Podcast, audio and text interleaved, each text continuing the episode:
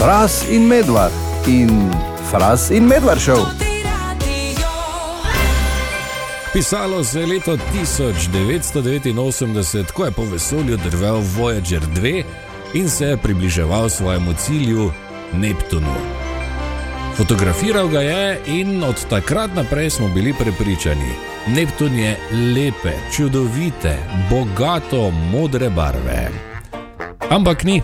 Zdaj so po 34 letih skoraj 35 astronomi prišli do spoznanja, ko so sprocesirali 7000 fotografij in delali stvari, o katerih nimam pojma, da Neptun ni lepe, temnejše modre barve, ampak je brezvezen. Čisto svetl, čisto nežno, torej nisem čisto, čisto nežno, zelenkasto modre barve. Če na hitro pogledaš, bi prej rekel, da je bel kot pa zelen ali moder. Ne vem, izjemno razočaranje za začetek leta 2024. Medtem ko sem pred nekaj minutami govoril o enem večjih razočaranj leta 2024, eh, o Neptunu, ki je drugačne barve, pa je tukaj ena izjemna novica za vse ljubitelje tehnologije, oziroma po eni strani tudi za ljudi, ki dajo kaj na izgled svoje dnevne sobe. Namreč LG je naznanil prvi brežičen prozorni televizor.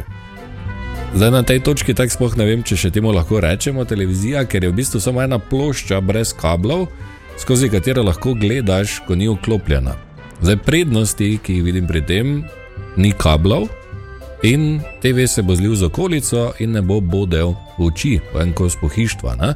Slabosti, če ni kablov, ali pomeni, da je na baterije. Ne? Kar pomeni, da se ti lahko izklopi ravno takrat, ko nekaj gledaš in je fulno peto in naenkrat tema. Ali pa da imaš potem še zraven neki napajalnik in kabel in USB kabel, ki ga štekaš na napajalnik, in potem iz napajalnika kabel v elektriko in imaš potem sedem kablov, ki ti štrlijo v dnevno sobo. Pa še ena uh, slabost, cene še ni nikjer, tako da bo verjetno 62 tisoč evrov. Tu je fraz? O, oh, ti ne. Kaj pa zdaj?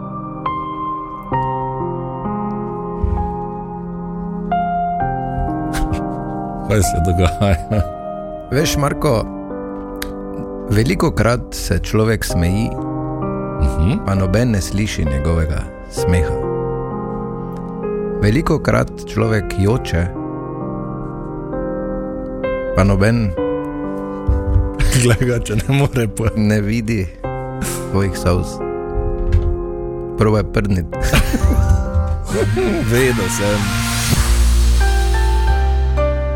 Ura, nekateri pravijo, da ni na ključi, ampak potem pa ne razložijo to.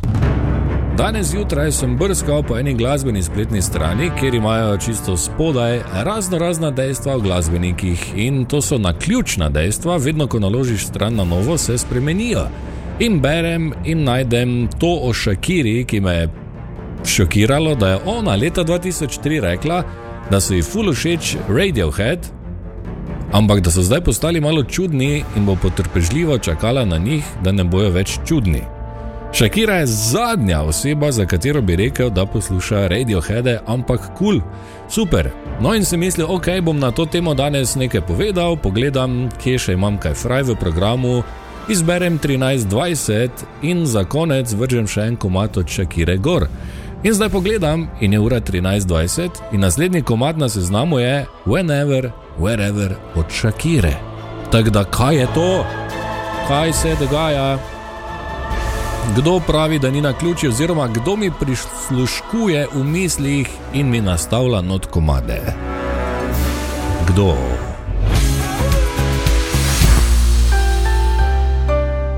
Danes je sreda, 10. januar in ko je na tem radiju sreda, je to debatna sreda. Danes debatiramo o dremežu. Dremež, ja ali ne in zakaj. Nada je recimo na našem Facebooku pod objavo zapisala tu in tam, drugače pa notranja budilka. Na nič 5, 220, 220 je SMS napisala Romana, ki pravi: Makaki dremež, to je za lenobe. Katarina je pisala na Instagram in pravi: Vstat, ko budilka zvoni. Uh, ja, se strinjam kar z vsemi. Uh, jaz sem verjetno eden redkih, ki nikoli v življenju nisem uporabil dremeža. Nikoli v življenju, tako da uh, ga nisem in ga tudi ne nameravam. Zakaj? Preprost razlog je, ker si ne zaupam, da ne bi potem zaspal nazaj in vsega izklopil in zamudil. Kaj pa ti, dremeš, ja ali ne? Nič pite na 220, 220, pošlji SMS ali pa se pridruži debati na naših družbenih omrežjih. Če vedno torej debatiramo, ker je danes debatna sreda in debata na mizi, dremeš, ja ali ne in zakaj. Gregor je pisal in pravi: nikoli, ker je to mantranje. Stane pravi, da mogoče popoldan, ko pride iz službe, drugače pa zjutraj, ko zvoni, polje treba stati. Pa še Ines je pisala in pravi, da je pred leti uporabljala dremež, dva do tri zvonjenja in je bila bolj utrujena, kot če je vstala takoj. Tako je. E, pravi, da sedaj dremeža ne uporablja, tudi zbudi se pred budilko in ponavadi počaka, da zazvoni, poleži dve do tri minute in potem ustane. E, zanimivo, vidim, da vas je dosti, ki ne uporabljate dremeža in še ena stvar je v bistvu to, eh, s katero se ne bi strinjal kolega Tomaš, ki ga trenutno ni tukaj, ampak on pa vedno, odkar ga poznam, vedno z dremežem in ga zagovarja tudi do Amena. Kakorkoli dremeš, ja ali ne, povej svoje mnenje, pošlji SMS na nič peta na 220 220 ali se pridruži debati na naših družbenih omrežjih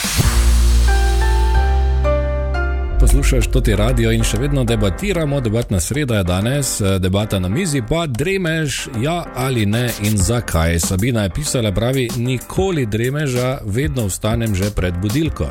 Hvala Sabina, Polona pravi, rekla bom, da dremeš ne. Enkrat sem ga uporabila in zaspala, od takrat nikoli več. Pametno Polona. Uh, Janja pravi, absolutno ja, Tamara pravi ne, javil pa se je tudi Tomaš Medvar. O, Marko, o. Uh, prvo kot prvo, časi, ko me je zbudila budilka, so že davno mimo. Ja. Uh, ko pa me je prebujala budilka, pa sem absolutno vedno imel en desetminutni dremež. Zakaj? Zato, da ko sem se zbudil, sem se potem deset minut psihično pripravljal na to, da se bom zdaj mogel stati in id delati. Ker če ni bilo, če je bilo direkt, izpojsle se mi je lahko zmešalo. Hm. Adijo. Adijo. Recimo, da razumem to razlago in to je razlog, seveda vsakemu svoje, ampak. Meni se samo zgodi, da še slučajno malo poležim, slučajno takrat, ko ne rabim nikamor iti, in potem sem zlaman cel dan. Fras in medvard in fras in medvard šel.